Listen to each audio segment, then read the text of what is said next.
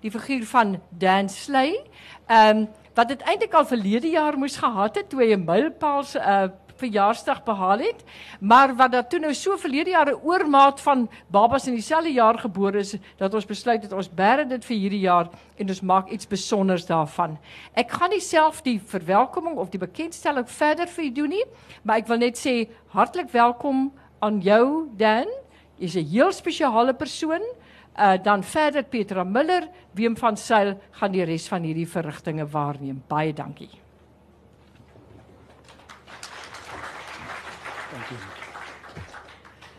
Vriende, welkom en dankie.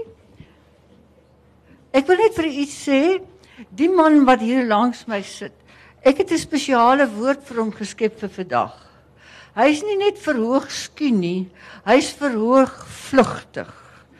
Hy staan reg om te hardloop. En ek vra u nou om vir hom te sê dag Dan.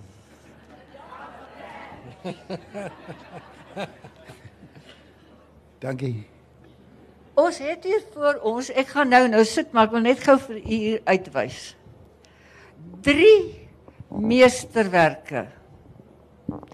Die eerste een is sy eerste boek waarin hy die feitelike verhede van die buiteposte geskiedenis neergeskryf het. Ons gaan gesels daaroor oor wat 'n buite wat 'n buitepos presies is.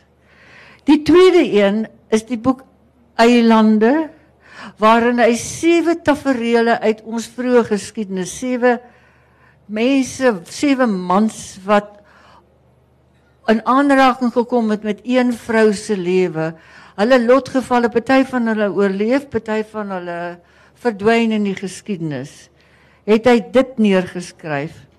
Buiteposte is in Engels vertaal bly baie flink en vinnig deur aandryf en net oor die wêreld sy pad gevind en is in die lyste van boeke wat gelees moet word wat deur oorseese mense opgestel word. Eilande is nie in Engels vertaal nie en dan hier aan die kant is die boek Afstande wat ek 'n besondere verbintenis mee het omdat ek daai boek sy naam gegee het. Ek voel soos 'n peetma. Gesamentlik sien ek toe toe ek die boeke deurwerk vir vandag dat hierdie boeke 'n een eenheid vorm met een tema. En dit is vreemdelingskap op aarde. En dat die sleutel tot hierdie boeke wat eintlik 'n bestaanskensketsing van ons as Afrikaners is, lê in daardie heel eerste boek, die buiteposte boek. Nou gaan ek sit. Dan Yes. Jy kan nou nie meer weghardloop nie. Nee. Het jy geweet toe jy die drie boeke die een na die ander geskryf het dat jy met vreemdelingskap te doen het of het dit na vore gekom? Uh, moet ek sê ek het dit uh, ek het dit eers onlangs uh, so 5 of 6 jaar gelede uh, ontdek dat ek so stadig begin deurkom na my toe en en uh ek was nie heeltemal tevrede daarmee nie want dan moet jy dan dan kom jy in die gevaar dat mense sê maar daardie ou het net een ding om te sê en een manier om dit te sê. So ek het ek het probeer wegkom daarvan af. Maar uh, ek is seker ek is seker dat jy ehm dat hy korrek is in jou in jou aanname en uh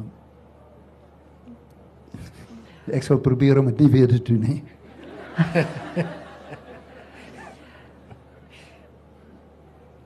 Dan toe ons met mekaar gesels het oor vandag toe jy gesê jy is nie heeltemal lekker met met die ding dat jy moet praat nie. Want sê jy vir my jy's nie 'n letterkundige nie. Jy is 'n historikus. Nou voel ek my bekwam om vir jou te sê dat letterkunde veral die romankuns is maar net 'n eenvoudige storie en 'n storie vertel. Nou wil ek graag vir jou weet, wat is die verskil tussen 'n storie soos dit in hierdie twee laaste boeke van jou na vore kom? en historie want Daar is nog geen mens in ons Afrikaanse letterkunde of in die Engelse letterkunde hier. Ek weet natuurlik nie van die tale wat ek nie van weet nie, wat hierdie ding aangepak het nie. Om 'n mens om eers sy historiese feite neer te skryf in daardie magnifieke boek en so noukeurig dat jy vir my sê die boek het 'n praktiese nut. Mense wat hulle familie navors soos baie Afrikaners nou doen. Dit is soos 'n golf. Hulle wil weet wie was hulle mense. Daar het 'n man na jou toe gekom wat met die buiteposte te doen gehad het en sy voorvaders en jy het hom gekry en jou boek jy kon dit vir daai man doen. Ek wil weet wat is die verskil tussen storie en historie? Uh, dit is 'n baie maklike antwoord maar 'n baie lang antwoord. Is, as jy nie omgee nie dan sal ek uh, volledig probeer wees. Maar ek wil net sê voordat ek verder gaan hoe hoe absoluut dankbaar ek is dat Petra hier is met met al haar kennis, haar ervaring, haar uh, spesifieke talente omdat daar nie nog iemand is wat in 'n boek kan kyk soos Petra nie. So kom met die boek. Baie dankie daarvoor dat jy uh, saamgekom het uh, ja vir hierdie skrik aan Jan die sessie. Maar en ek moet dieselfde sê van hom ook uit uit ook uh Wie was die profeet wie se twee hande omhoog gehou is die dag toe die son stil gestaan het? Jy ken die Bybel beter as ek. Net heiden is so ver jy kyk. As Wat dan? Ek is maar hier neergesit om te keer dat jy weghardloop. Joshua. Joshua. Joshua was aan Moses se een kant en ek weet nie wie was aan die ander kant nie. Maar ek het twee sulke Aaron kragtige ja. mense hier. Maar uh die verskil tussen geskiedenis en en letterkunde, dit is uh baie opsigtelik in die verpakking, die aanbieding. Maak 'n geskiedenisboek oop en jy kry voetnotas onderaan en 'n bronnelys agteraan. Uh in die letterkunde uh geen voetnotas en as daar 'n bronnelys agterin is dan hardloop ek daarvan weg want iemand probeer uh wees.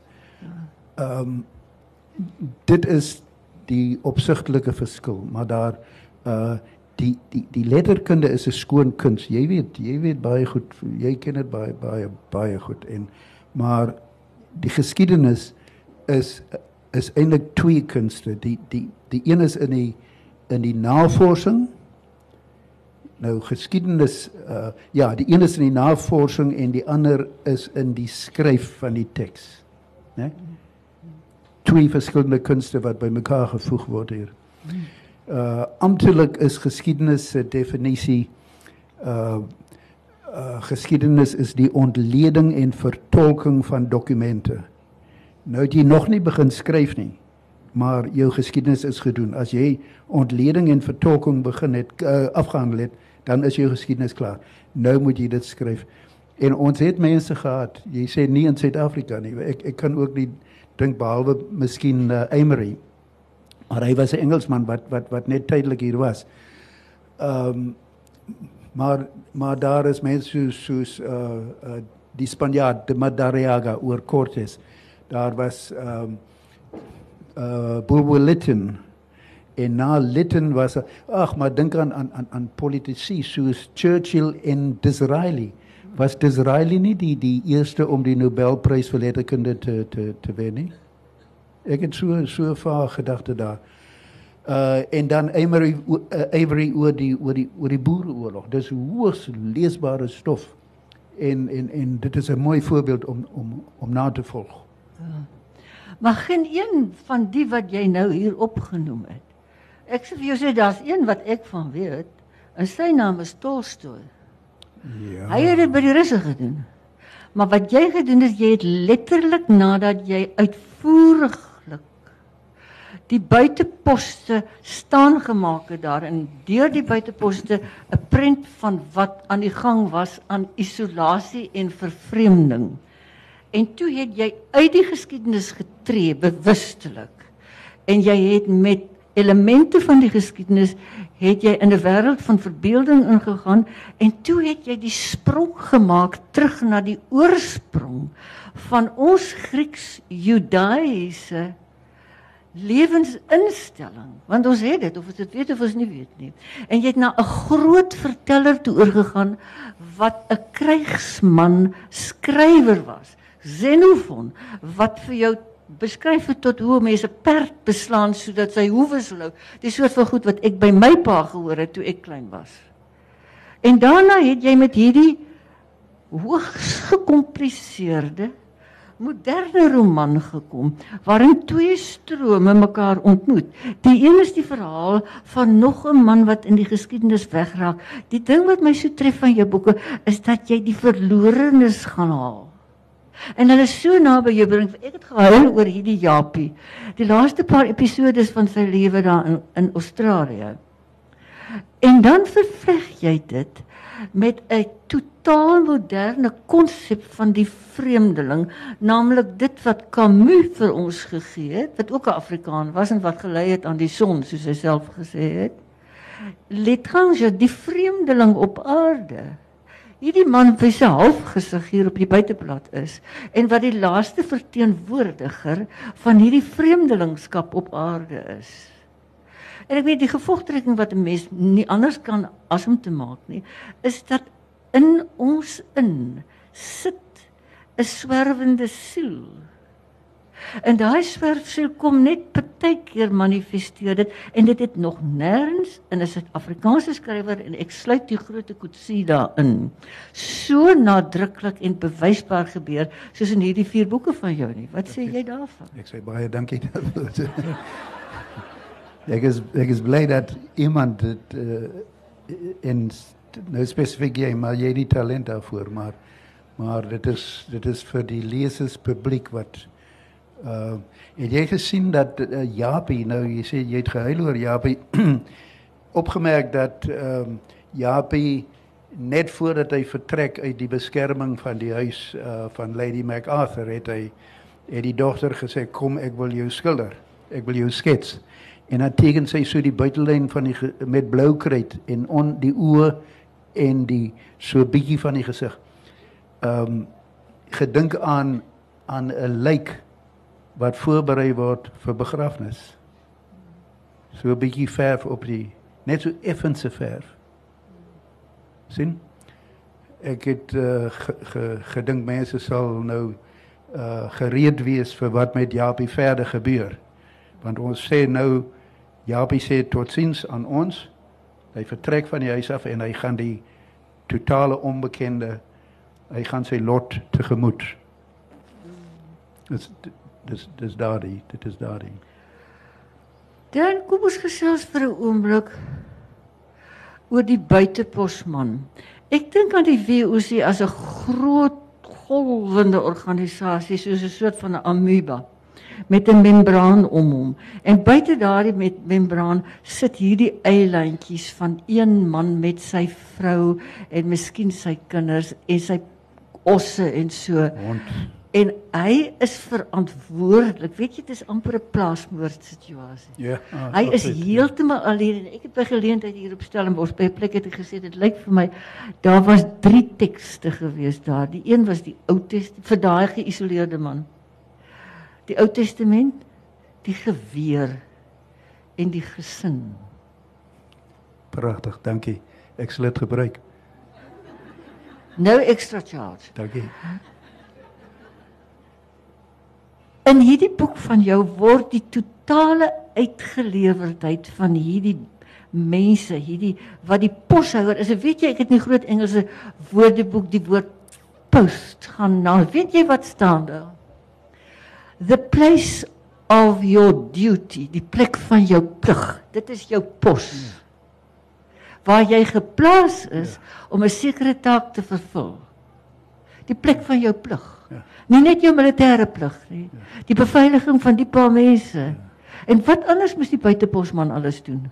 Hy moes die die kompanie se eiendom bewaar Ja. teen wilde mense, wilde diere, wilde natuur. Uh dit het gebeur in die Oeverberg soms dat 'n uh, buitepos se hele skaap erop weggespoel het. En daardie Januarie reëns wat wat wat van tyd tot tyd daar Ja. uh en dit is ook van hom verwag om te betaal uh, as die leeu's die die die, die sy skape vang of of of sy beeste. Ja. Hier by Hortentots Holland, buite Pos Hortentots Holland is waar die ehm um, vergelegen, daar die herehuis vergelegen. Dit was die buite Pos Hortentots Holland wat uh, Willem van der Stel net gevat en in sy sak gesteek het met alles wat daarop was, diere, mense, uh slawe, gereedskap, uh die vrugte aan die bome, die graan uh op die land, die die die beeste in die stal en die uh hoenders en varke alles. Hy het dit net gevat. Maar die toe die poshouers nog daar was, wat die leeu's en die die wolwe, dit is hyenas wat saam jag en binne in die skaaphokke kom en soveel Hulle jag saam. Ja. En soveel dood doodbyt as wat hulle moontlik kan en probeer wegsleep. En dan moet die poshouer daarvoor betaal. Hy dit is in in in 'n stormnag wat hierdie wilde diere aanval. Uh, wat vir my ook al iets iets iets buitengewoon is omdat dit so donker is. Donker, watter ligte is daar? Wat kan jy doen met 'n fakkel in die reën? En dan met die gewere die die die uh voorlaaier die die hoe kry jy die die kruit droog in daardie weer? En dan is die bestorm die leeu's en die wolwe vir hulle. En en maar hy moet betaal. Dit word van verwag. Dit is die funksie van die poshouer om die kompanjie se vuilwerk te doen en verantwoordelikheid te aanvaar vir alles wat gebeur. Dan wat wat dink jy? Jy het vir my gesê die die die die VOC was die grootste kapitaalsaak op aarde gewees in sy tyd. Ja, ja. Hy het 'n regeringsbasis gehad daar in Batavië wat tevore Yogyakarta was, tog so pragtig. En deskant in Holland. En hulle was as 'n handelssaak, as 'n kapitaal enterprise, Ja. die heel grootste op aarde wat ons wil wees. Vertel vir my 'n bietjie meer van die VOC. Wat dink jy van die VOC? Absolute wonderwerk, absolute uh gelyk in in in 'n op 'n kleiner skaal, maar gelyk. Uh u sal self besluit uh, uh gelyk hoe, gelyk waarin aan die oerknal. Jy weet hoe die die Bybel begin, maar ek praat nou met heidene hier so, hulle weet nie van 'n van 'n Bybel nie, maar dit dit begin ehm uh, God het gesê laat daar lig wees en skielik daardie hengse ontploffing wat geweldige positiewe en negatiewe kragte vry- vrystel wat nou nog loop, né? Nee, ons ons voel dit nou nog uh in die evolusie van die mens byvoorbeeld uh, wat nog voortgaan en die evolusie van diere en die verdwyning van diere op aarde die die uh geknars van die aarde wat steeds voortgaan. Nou dit dit was die stigting van die VOC 20 Maart. Dit is nie lank van nou af nie, dit is oor 2 weke. 20 Maart 1602. En die kompanjie was in Nederland en in die die, die in Nederland eers die regering se grootste belastingbetaler, die grootste skeepseienaar, die grootste werksverskaffer. Dit is as gevolg van die VOC wat die goue eeu kon plaasvind want die mense het geld in hul sakke gehad. Mense kon boeke koop, né? Omdat omdat hulle geld in hul sakke gehad het. Hulle kon uh, vir hulself laat skiller by die by Hals en Vermeer en die mense omdat hulle geld ge, ge, gehad het. En en as jy nou dink dat die kompanjie hoe sal ek dit stel? Die die die ehm um, uh, daar is 'n woord wat ek soek wat 'n werkwoord is wat sê uh maak staat. Nou die staat maak staat. Dit is die Nederlandse staat.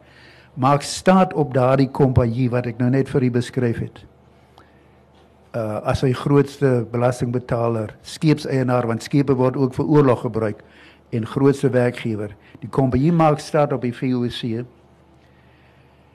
Die VOC maak staat op die oosterse handel.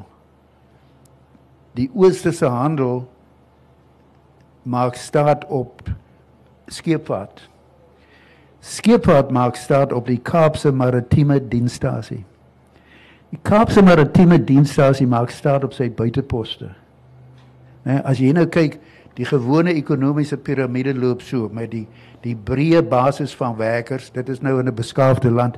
Die breë basis van werkers onder en dan die senior personeel en so op die direkteure tot heel bo waar die die die die voorsitter en sy vriendinnetjie in die glaspaleis met koekies en champagne feesvier daarbo. So loop daardie piramide, maar in die geval van die kompanjie was dit 'n omgekeerde piramide. En die hele stelsel het gedruk op die buitepos.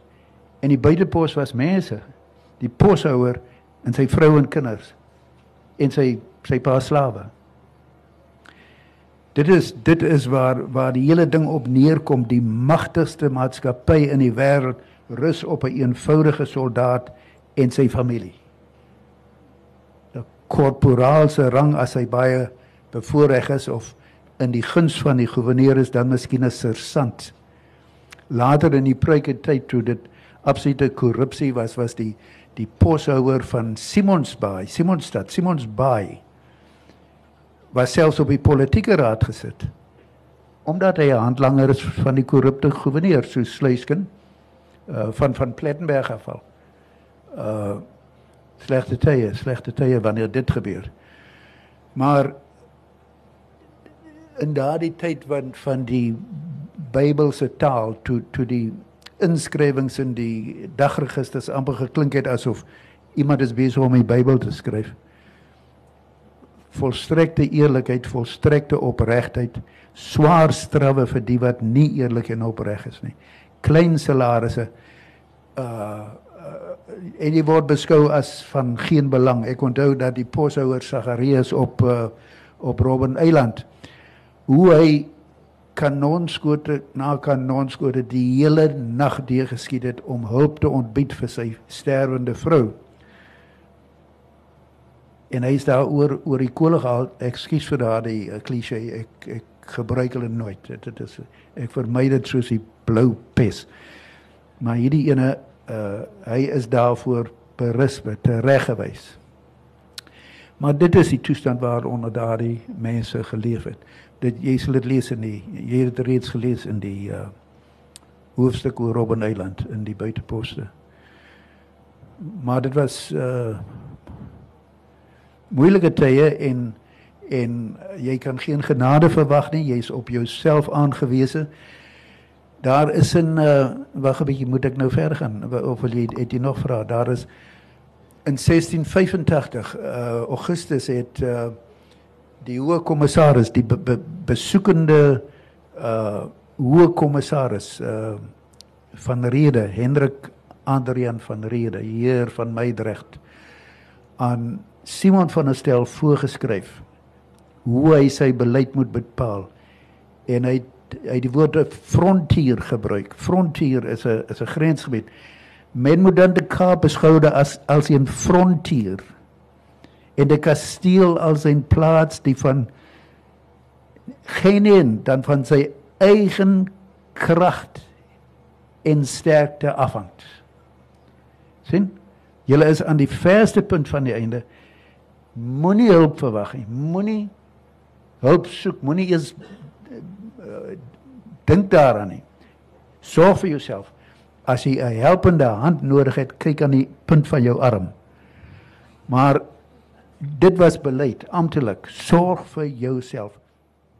En die goewerneurs dra die van homself was toe nog 'n kommandeur, nie 'n goewerneur nie. Hy dra dit net so oor aan sy posvolk op die afgeleë buiteposte. Sorg vir jouself.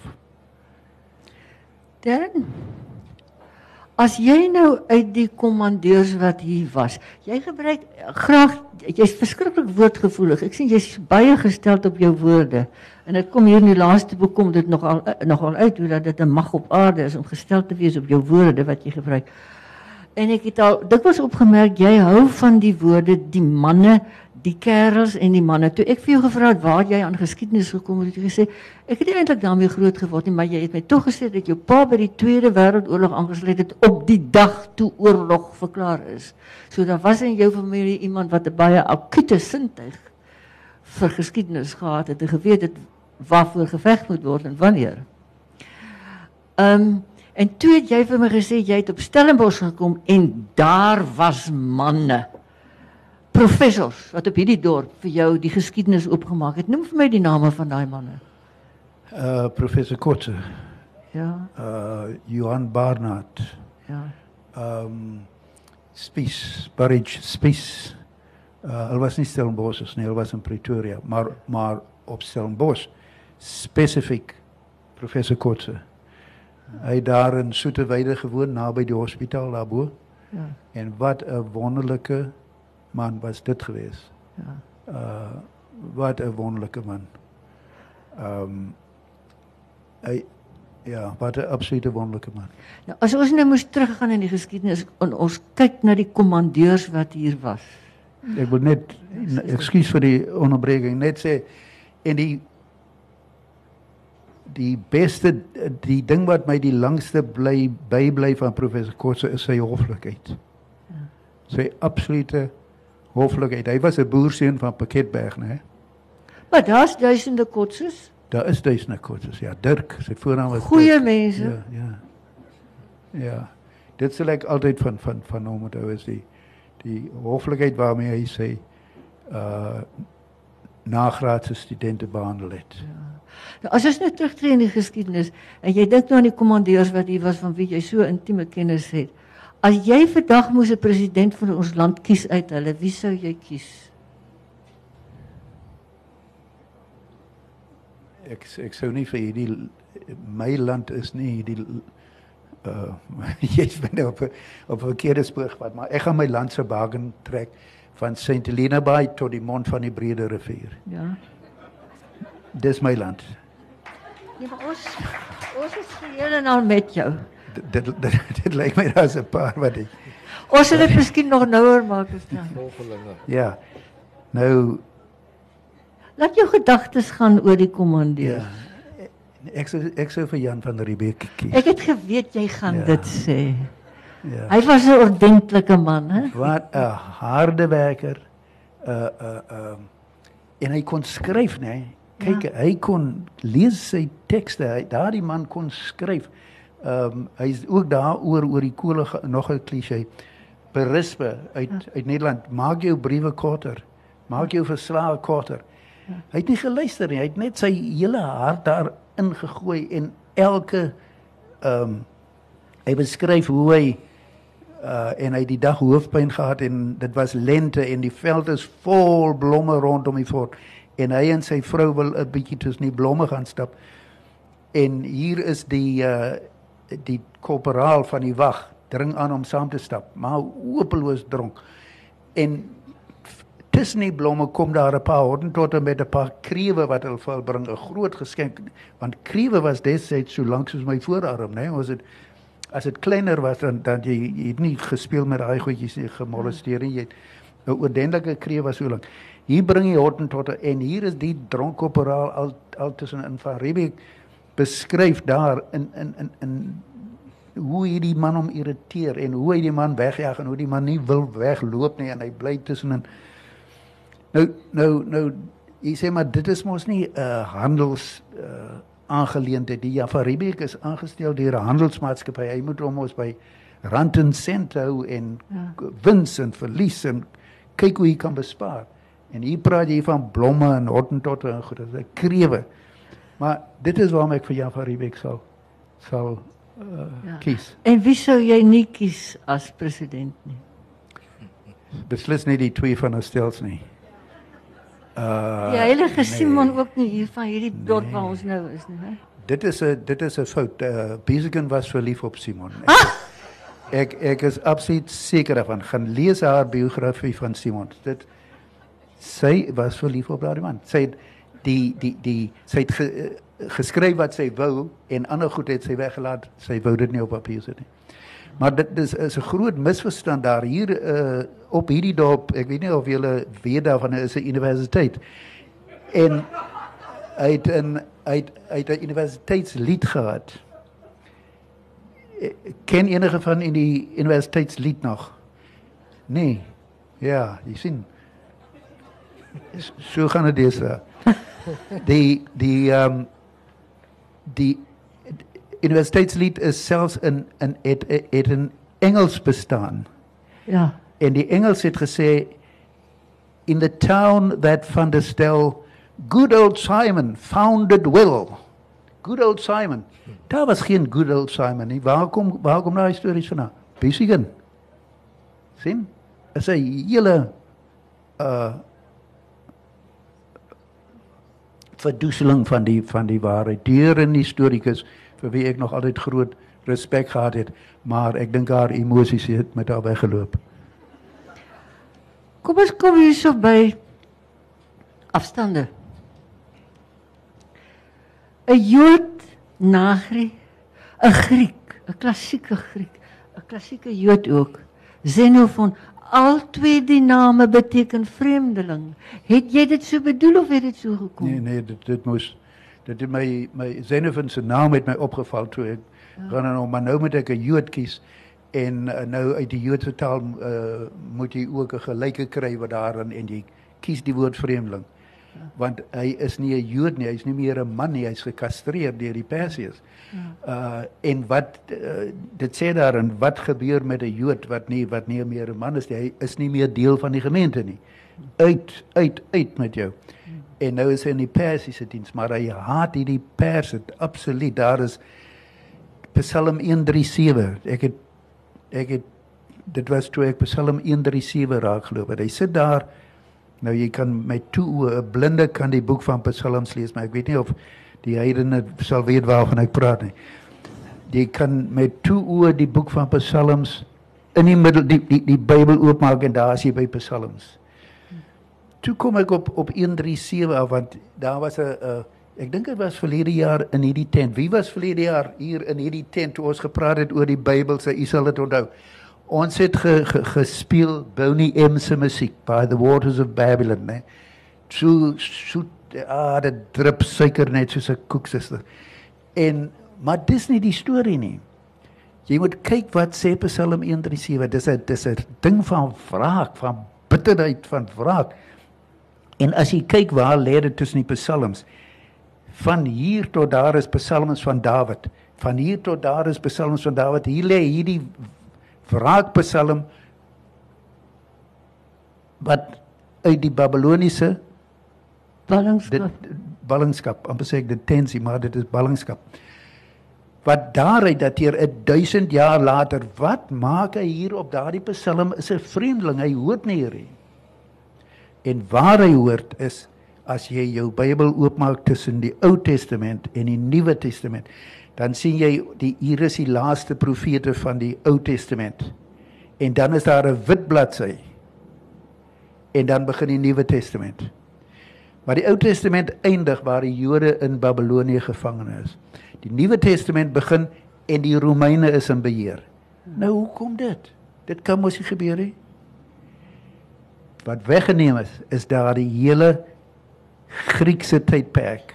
Die hele Griekse tydperk van Alexander die Grote en dit was my absolute tot my verbasing het ek uitgevind toe ek daardie Ou Testamentiese profete lees Ezra, Nehemia, daardie kerels, Jesaja, Sagaria, Malagi van die voorspelling van die verlosser. Dit sê in soveel woorde die verlosser gaan 'n Griek wees. Mm. Nou kom die Christelike Bybel sê nee nee nee nee, nee ons haal daardie uit, ons haal daardie uit. Maak skoon, haal die hele Griekse teks uit. Ons begin by die Nuwe Testament want die verlosser was toe nie 'n Griek gewees nie. Die verlosser was 'n Jood. Die Jode sê ook nee nee nee nee nee, nee. verlosser was nie 'n Jood nie, sê. Dis maar julle wat so sê. Dit het my tot uh uh uh, uh die besef uh gelei dat hier was iets groot tussenin gewees, 'n groot tydperk. En dat Nagri is eintlik die laaste van die Ou Testamentiese profete. Hy is die brug tussen die Ou Ou Testament en Nuwe Testament. Tussen die ooste, want hy vertrek uit Babylon en hy kom in in ehm um, Macedonië. Macedonië. Hy, hy eindig in die weste. Onthou Paulus het ook daardie boodskap gekry in die Paulus. Kom oor na ja. Kom na op na Macedonië toe, kom help ons, né? Ja. Want dit dit dit is dis die logiese gevordering. En dit is waar Nagri sy boodskap heen gegaan het na die oupa van Alexander die Grote. Nagri het gedink hy gaan self die verlosser ontmoet. Geen kans nie. Die tyd was verkeerd. Hy moet bly aan swerf, die wandelende Jood. Dis Nagri, die wandelende Jood tot die verlosser kom. En dit is omtrent daardie storie dat uh dat dat ek uh vir Xenophon en sy magnifieke uh aftog. Dit was nie 'n vlug nie, daardie is 'n 'n klassieke militêre aftog. Beter voorbeelde kry jy nie. En en uh met Xenophon as leier. Weet jy ek daardie nagrie met hierdie hartstog van uitreiking in omdat sy hele lewe op die ou en in daardie verlange oorgegaan het. Dis vir my so boer, ek ken dit. Oral op ons plase was daar iemand wat so hartstogtelik opgegaan het dat daardie werklikheid vir hulle werkliker was as die van vandag. En weet jy wat vir my verskriklik mooi was, dat jy vir my sê Jy kry uit soveel plattelandse leeskringe navraag oor daardie boek want mense is ja. besig soos die ander man intens besig is om sy familie na te vors is daar hoofsaaklik vroumense nê ja. wat besig is met studie intense studie oor die Ou Testament oor die geskiedenis van hulle geloof En dan soek hulle jou boek, net soos die ander man jou boek gesoek het. Nou ons dink aan letterlik aan mekaar as iets wat so effe daar bo in die wolke is. Waar kan 'n ding meer tuis kom? As in jou eie leeskring, weet jy, jy het 'n baie sagte hand vir 'n vrou mens. Dit het ek ook opgemerk. Jou boeke gaan almal oor 'n man, maar daar's gedurig smagting na die vroulike. En dit het iets te doen met hierdie vreemdelingskap motief wat deur jou boeke loop en wat by mekaar uitkom in hierdie laaste boek van jou. Is dit ja, reg of is dit Ja, jy jy jy jy sê Daar loop twee verhale hmm. en hulle hulle hulle ontmoet mekaar. Ja. En in hierdie laaste boek, nou my hart hang aan afstande. Ek vind dit 'n allerwonderlikste boek. Dit is vir my so mooi. Ek het al van daardie Jood gedroom. Droom jy van jou persoonlikhede? Uh in jou boeke? Net van Carolina het ek wel gedroom. Jy van Carolina gedroom? Maar dit is mooi. Ek is seker ja. dat dit was 'n mooi droom geweest. Dit was sy sy's baie soos soos mense wat ek ken. Is a, ja, ja. Ja. Die gedagte van 'n verlosser, hierdie verskriklike hartklop van ontroering en van iets wat in die toekoms is. En jy eindig die boek net omtrent min of meer voor die geboorte van Alexander. Maar daai ou Filippe van Macedonië, die Grieke het gedink hulle is barbare. Hulle was nie. Ja, ja. Nou Alexander, die verlosser, hy kom nooit by sy verlosser. Net soos Japie van der Merwe hier in hierdie boek. In die einde die afloop daarvan is wat vertel kuns betref hoe Japie verder en verder deur verskillende ontmoetings wegraak uit die geskiedenis. En ons het vanaand ook niks geweet het as jy vir hom ek weet praat ek praat van hom as 'n mens. As jy hom nie voor ons kom hou het nie met die rooi blomme wat gedurig deur so spatsels bloed deur die hele verhaal loop en hierdie manlikheid van Xenophon wat hom nie van een oomblik laat stuit nie. Hierdie spring kan hoor hierdie vloed van mense die 10000 met as ek die geskiedenis reg verstaan nog 'n vroumense agterloop aan wat jy nie genoem het in jou boek nie, hè? Agterlopers van die 10000. Nee, nee, daar was, daar was wel. Daar was ja. uh saam saam met hulle uh op reis die die die gedagte was mos dat hulle sal uh in die somer uit Sardes vertrek en die winter in warm Babylon na die oorwinning ja. en die omverwerping van die koning ja. uh. Na die omverwerping dan gaan hulle die winter daar deurbring. En dan weer volgende lente as daar weer gras is, dan trek hulle terug huis toe. Maar toe verloor hulle die oorlog ja. en toe toe toe is daar nêrens om te en hulle het hul vrouens saamgeneem en hulle bediendes en en en Bedoel jy die vrouens wat dit by die huis gehad het of wat op die pad opgedoen het?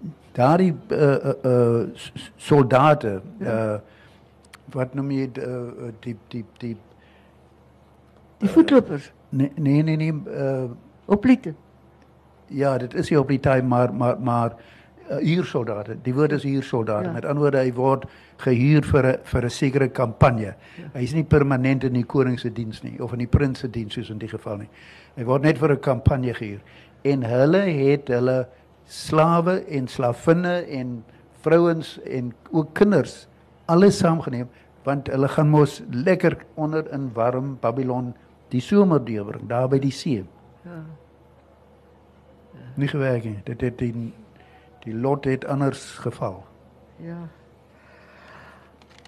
Dan jy het groot geword hier in die wit lig van die Weskus. Jou pa het Geelbeksfontein besit. Ons ken almal vir Geelbek, nie waar nie? Daar by daai wonderlike plek by die strandmeer. Jy het my so lekker uitgevang met lagoon. Ek mag nie lagoon gebruik nie. Strandmeer, maar jy het eendag in 'n telefoongesprek self lagoon gebruik. Hy's 'n man wat sy woorde oppas. Hy hy pas hulle op soos kleinode want hy weet wat die woorde alles moet oordra. Jy is soos jy hier sit. Jou eerste boek het 5 groot pryse verower. Jou tweede boek was genoem in 'n lys van die 1001ste boeke wat 'n mens een van hulle wat gelees moes geword het. Daar daar is niemand soos jy in ons letterkunde nie. Ja. Nee, nee, jy het 'n werk gedoen wat geen ander een gedoen het nie. En daar by Geelbek is die soetfontein Ja. agter die huis. Soeter is daar nêrens nie. Ek dink jy het op soetwater groot geword. Dis waarskynlik. Dankie dat jy met ons kom gesels. Ja? Ek ek wil net vir jou sê voordat ek dankie sê is nie net soetwater nie, maar ek is so dankbaar bly dat ek weet wat karringmelk is. Dat ek weet wat karringmelk is. As jy vandag na die winkel toe gaan en jy koop daardie pakkies en dit sê karringmelk. Dis separatormelk, dis nie karringmelk. Nee, dit is Ek weet wat is karringmelk en hoe smaak dit. Weet jy wat jy is? En Jy's 'n goeie poshouer van ons almal. ja, wel, ek waardeer dit. Dis 'n Dankie. baie belangrik. Pedra baie baie dankie vir Uh dames en here, ons gee vir professor van Sail net 'n kans om ook iets te sê. Uh wil u die uh miskien nog net so 2 minute want dan ons tyd is eintlik verstreke. Yes, so weer. Ja, ek het nog uh, is ah oh, nee, ek het nog baie goed is om vir jou te vra Dan en uh, ek wil net vinnig uh, uh, sê ek het nou die dag met Dan gepraat uh oor Nakantla. En toe het hy gesê maar ons eerste Nakantla is in die VOC tyd uh, uh gebou en uh natuurlik deur een van die van die stels. Maar uh, in elk geval ek wil nou nie daarop uh, af nie. Ek uh, ek dink Dan het spesifiek uh, gesê ek moet hier wees om te praat oor uh, wals met, uh, met Matilda en dan die van 'n Merwe uh 'n meisie wat uh wat daarin na vore kom. Uh uh Carolina, sy Carolina, nie Carolina nie. En sy word ingebring om om uh die uh, hooffiguur uh, uit uit die uit skry, uh, sy skrywersblok te haal. Dis die woord wat hy gebruik daarso. Uh sy is familie van boerneef, uh, dit wys sy aan. Sy's enorm taalgevoelig, maar uh hier is meer aan haar met hierdie taal uh, uh kwessie. Ek weet nie of jy daarop wil uitbrei nie. Dit is tog geweldig Ja. interessant vir my. Ja, Die ek- siening van taal daar. Ja, s- sy het uh, kyk uh, boerneef nou ek wil nie nou vir hulle vra wie het al boerneef gehoor nie. Uh, jy weet uh, was so so maar so dis nie twee van As ons. hulle die Bybel ken nie, dan kan die boerneef ook nie ken. Die, Goed dan. en Leipold, dit is die ander digter wat wat baie mooi musiek maak in my ore. Leipold en Boerneef. Was dit Boerneef wat gepraat het van sy tink tinkie verse. Hy dit Ja. om die musikaliteit daarvan te gee, die die die liriese kwaliteit daarvan. En die ou man het 'n verskriklike talent gehad in daardie opsig. Nou wel, jy jy jou uh, uh, diefel oor My MA. gedink. oor Boerneef gedoen. So jy ken vir Boerneef, jy weet presies waarvan ek praat. Die absolute liriese kwaliteit van die die man se se uh, digwerk, digkuns. En dit het sy klein niggie Ka- Carolina. Ehm uh, Karel is 'n familienaam tussen die van hom Herwes. Nou sy is 'n 'n enigste kind, so sy word Carolina. En dit het sy by die emmers vol geërf by oorlede ou oubaas Boerneef. Ja. En en en uh en en dit is meer as 'n talent, dit is amper 'n toerkuns want sy het dit ontwikkel. Sy het, sy sy kan mense genees met haar kuns, net soos ehm um, daar is mense wat musiekterapie toepas. Ek sien dit soms in 'n hospitaal, daar sit iemand langs 'n bed en speel 'n gitaar vir die sieke. Dit dit is genesend. Ah, uh, koning Dawid het dit al 'n uh, klein seun Dawid het dit al koning Saul al probeer om sy gees te kalmeer met musiek. En sy pas hierdie kuns van haar haar woordkuns haar haar, haar taalvaardighede pas sy toe om vir Koos te genees. Hmm. Om sy siel te te te uit die diep depressie uit te red. En sy kry dit dan reg. Sy sy kry dit reg.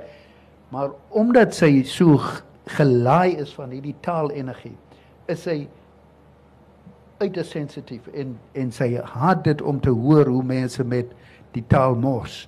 Sy sy sy's nie teen Engels of of Grieks of Spaans nie. Die van hom Herwes kan almal Engels praat soveel soos hulle wil. Hulle kan hulle moet net nie die Afrikaans opmors nie. En sy is daarom bitter teen die koerante, sy's bitter teen die draadloos, sy's bitter teen uh die skoolstelsel wat Eh, wat geen respek het vir die taal nie want haar sy is 'n kunstenaar soos die 'n kunstenaar wat viool speel wil nie hê dat iemand moet mors met sy strykstok of sy sy viool nie. Ja. Uh, of as hy of as hy 'n houtwerker is met sy gereedskap mors nie. Nou dit is waarom sy is wat sy is. Ja, so 'n belangrike aspek en ek dink dit is deur die kritisie 'n bietjie uh onderbeklemtoon dalk nie eens raak gesien nie is die tema van taalterapie hierso, maar ek dink ons moet nou stop anders gooi ons hier uit dan. Ek wil nog net een ding hier ja? sê as hy met ekskuus met met toestemming. Ehm uh, ek wil net 'n voorbeeld gee van van ehm uh, Carolina gee in daardie boek 'n uh, lang en volledige uiteensetting van voorbeelde van hoe die taal maar net by een oor in 'n ander oor uit is deur mense wat nie wat nie die diepte het van die taal nie. Sy gebruik die woord kulkunstenaar. En sy sy sit dit op so 'n manier uit een wat 'n kulkunstenaar eintlik is dat niemand ooit weer daardie woord ligtelik sal gebruik nie.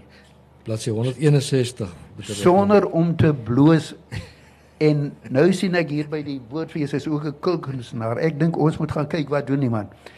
oh, ek dink ek gaan saam met jou nie. Jy moet maar alleen. Maar so is dit. Ehm um, een oor in, ander oor uit. Dis maar baie dankie vir die vir die geleentheid om met jou te praat. Baie dankie. Dames en here, uh, ons weet daar's nog baie om te sê want uh, Dan is 'n skrywer van formaat. En sy boeke het geweldige diepgang. Ons het dit nou voortreffelik geïllustreer gesien ook met uh, Petra hier en wie uit ten slotte. Ek wil vir julle almal uitnooi kom geniet 'n glasie wyn saam met ons buite en gesels verder met Dan oor sy werk. Jy sien daar is nog baie wat 'n mens uh, by hom kan wys word. Baie dankie Dan. Baie dankie vir jou werk waarmee jy die Afrikaanse letterkunde verryk.